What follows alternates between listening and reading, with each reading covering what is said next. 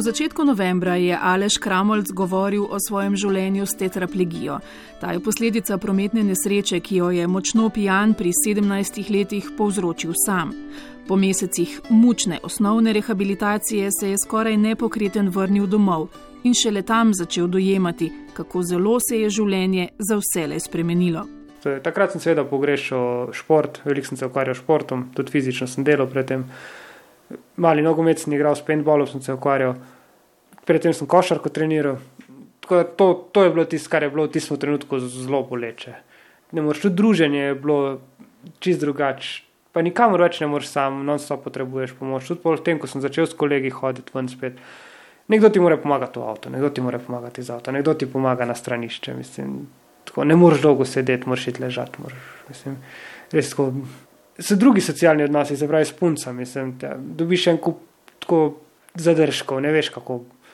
In te stvari so bile takrat najtežje, res. In čeprav Alež govori predvsem o svojih doživljanjih sprememb, močno poudari, da se svet seveda ni spremenil le za njim. Jaz to vedno poudarjam tudi mladim, ker marsikdo mlad in tudi jaz sem včasih tako razmišljal. Jaz se kaj pa pol, če pijem, pa vozim, vse če se bom polomil, pa sebe polomil. To ne drži. Prvo, kar je tu, če se to tebi zgodi, ali pa v tem primeru, mislim, kot se je meni, to se ne zgodi samo po nesrečencu, to se zgodi celi mikrookolici, to je družina, ali so to starši, otroci, bratje, sestre, partner, najožji prijatelji, to se vsem skupaj zgodi. In mislim, da starši oziroma ti najbližji svojci pogosto bolj trpijo, ali pa vsaj toliko kot mi. Aleš Kramolc zdaj, dobrih deset let po nesreči, živi samostojno in je kot mlad podjetnik zelo uspešen tudi na poslovnem področju. Njegovo pot od razbitine avtomobila do samostojnega življenja pa lahko v celoti najdete na naši spletni strani. Ambulanta 202. Februarja letos, ko je nadpoprečno veliko ljudi zbolelo tudi za pljučnico, je pulmologinja z Univerzitetne klinike za pljučne bolezni in alergijo Golnik, primarika Katarina Osolnik, posebej opozorila na to, kako nujen je počitek in da nobeni posli, roki, domače ali študijske obveznosti ne smejo biti izgovor, da ne bi dosledno in samo počivali. Za vsako diagnozo pljučnice je potreben in priznan bolniški stalež. To je osnovna stvar. Verjamem, da obstaja kar nekaj uh, ljudi, ki si tega lahko tudi ne morejo privoščiti. Ampak, ko vam zdravnik postavi diagnozo pljučnice, takrat res ni čas, da se dobesedno igramo z življenjem. Moramo pozoriti tudi na to, pljučnica je resna bolezen. Uh, še vedno je pljučnica lahko smrtna bolezen, tudi pri mlajših, če se z zdravljenjem zamudi ali če pride do zapleta po pljučnici. Vemo pa, da seveda umrljivost pri starejših nad 65, nad 70 let bistveno večja. Saj so to praviloma bolniki, ki so že obremenjeni s kroničnimi boleznimi, zmanjšano psihofizično kondicijo in oslabljenim imunskim sistemom. Ob tem pa pulmologinja opozarja, da povsem nebogljeni pri preprečevanju pljučnic in hitrosti zdravljenja vendarle nismo. Najpomembnejši dejavnik, ki odloča o tem, ali se bo viroza oziroma gripa nadaljevala v pljučnico, je poleg siceršne telesne odpornosti pogosto v naših rokah. Še preden pride do pljučnice, je največ na strani bolnika, da lahko to prepreči. Pred virozami se teže obranimo. Prav pa je, da vemo, da takrat, ko zbolimo z virozo, je čas, da se telo odpočije.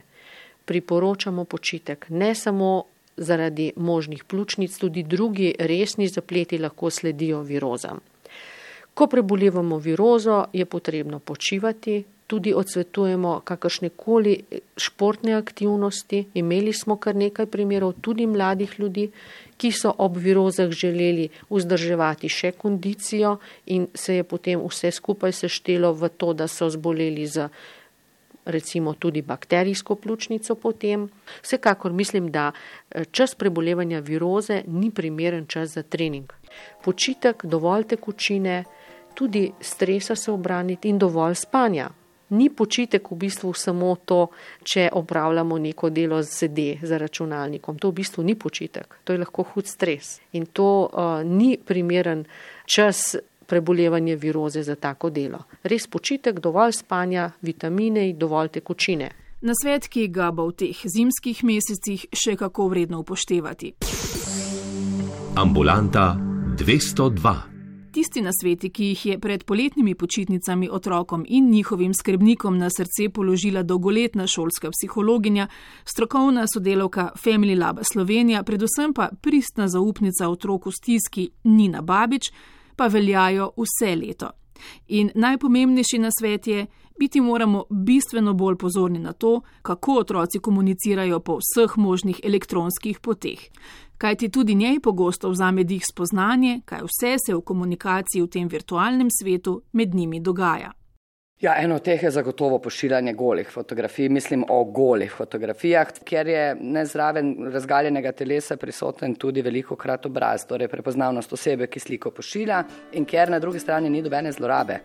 Torej, ne gre za izsiljevanje ali pa veliko krat, tako bom rekla, veliko krat ne gre, ampak za prijateljsko izmenjevanje najintimnejših delov telesa.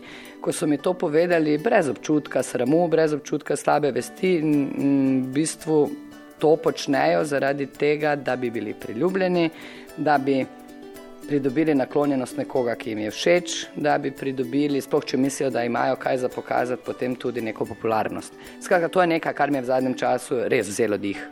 Če sama pri tem tako imenovanem sextingu ostane brez diha, otroci nimajo niti najmanjšega občutka, da bi s tem lahko bilo karkoli narobe. Ne, absolutno ne. To ne počnejo iz tega, da bi komorkoli nagajali, ne, ne počnejo tisti, ki jim pravimo, da so malo lumpi. Veliko krat to počnejo popolnoma naivno, popolnoma neobremenjeno in tudi povedali so mi tako, da jaz tega pač ne razumem, ampak da je to del realnosti sedaj in del komunikacije, ki poteka med najstniki in to je to. V bistvu nimajo občutka, da delajo karkoli narobe.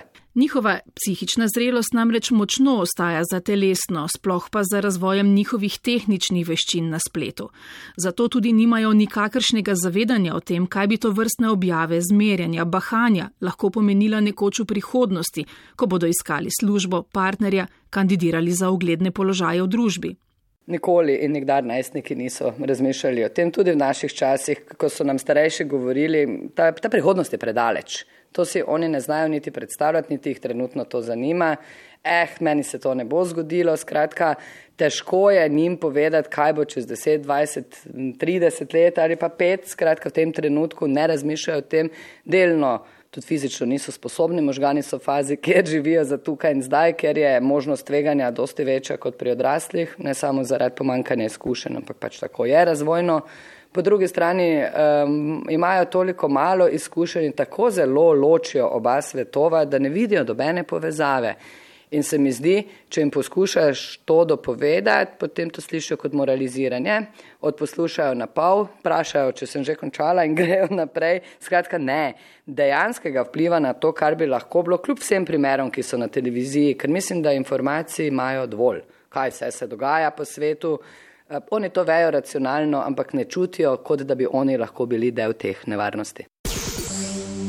Ambulanta 202. Leto, ki se zdaj izteka, smo začeli s podporo akciji Ne čakaj postani darovalec, ki je ozaveščala o pomenu darovanja organov po smrti.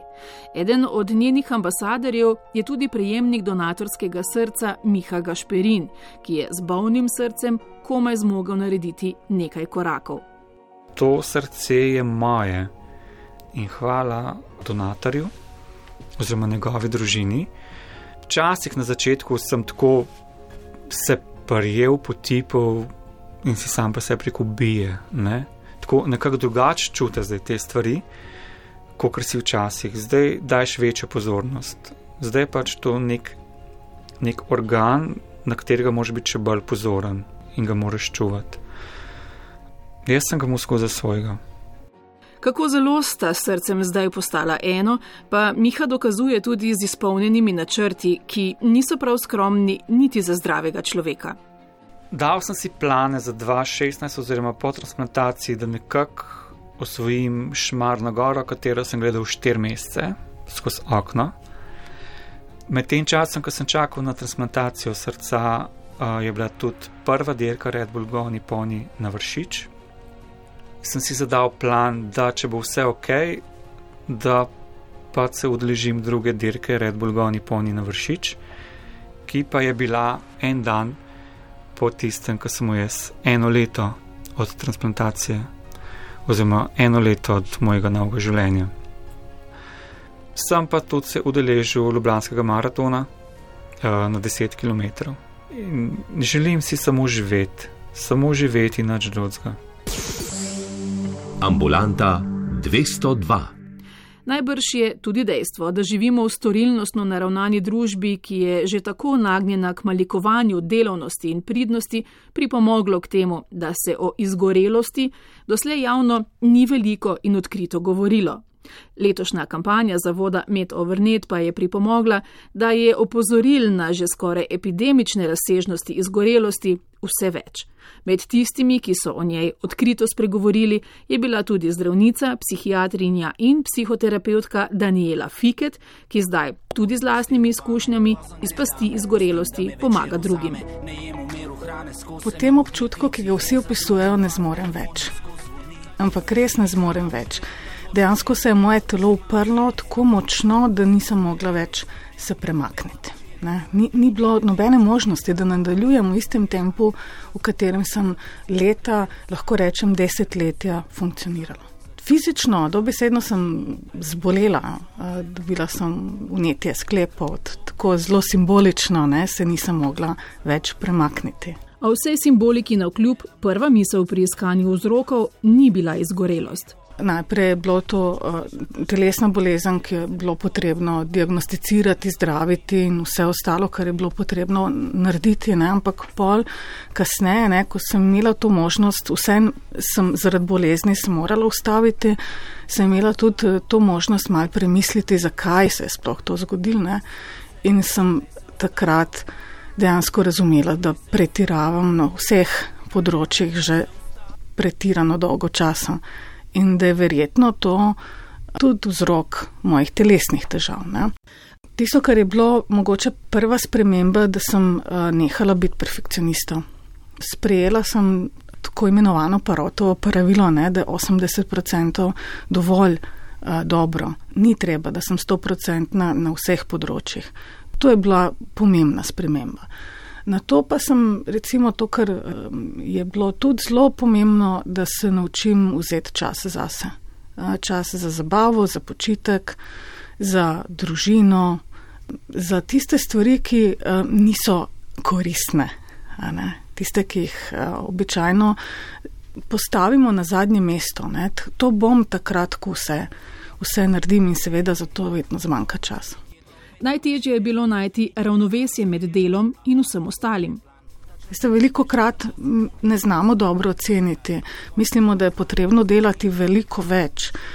Dejansko, ko me je ta zadnja poškodba tako zelo grobo ustavila, sem opazila, da če delam manj, delam boljše in je bolj učinkovito. A, sem tudi sama bolj zadovoljna, bolj ustvarjalna. Hočem slišati, da živim, preden se prepozno zbudim, nočem, da gre life mim.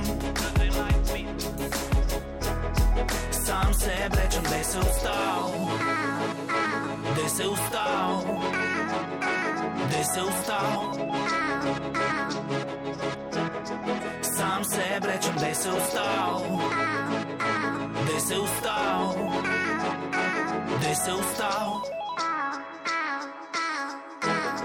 Sam se vrečem, zbudim se, okon odprt prepih, sedem mi tale von, dubu na vdih, spet tale telefon, zvira, ne bom pustil, da me potegne iz žera, na meza pobegnem, danes izbiram, danes izbiram otroka vse, zavestno postavljam sebe na prvo mesto, globoko vse, čutim čas za spremembo, čas da se vprašam, kam grem in kaj mi je zares pomembno, zakaj se matram, kaj sploh pomeni to, da ti rata? In kaj če mi ne rata, kakšen je moj vrednostni sistem? Ni najvreden tega časa.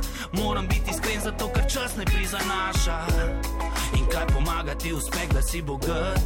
In kaj sem jaz brez ljudi, ki jih imam rad? In ko bom vedel, se bom nehal spraševati do takrat, do takrat, do takrat pa. Ko mi blok dela senco, jaz plezam gor na streho. In se zaderam na glas, zaderam na glas, da slišim svoj eho.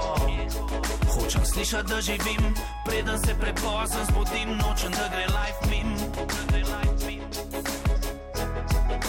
Sam se rečem, da se ustal, da se ustal, da se ustal. Sam se rečem, da se ustal, da se ustal, da se ustal. Sam se rečem.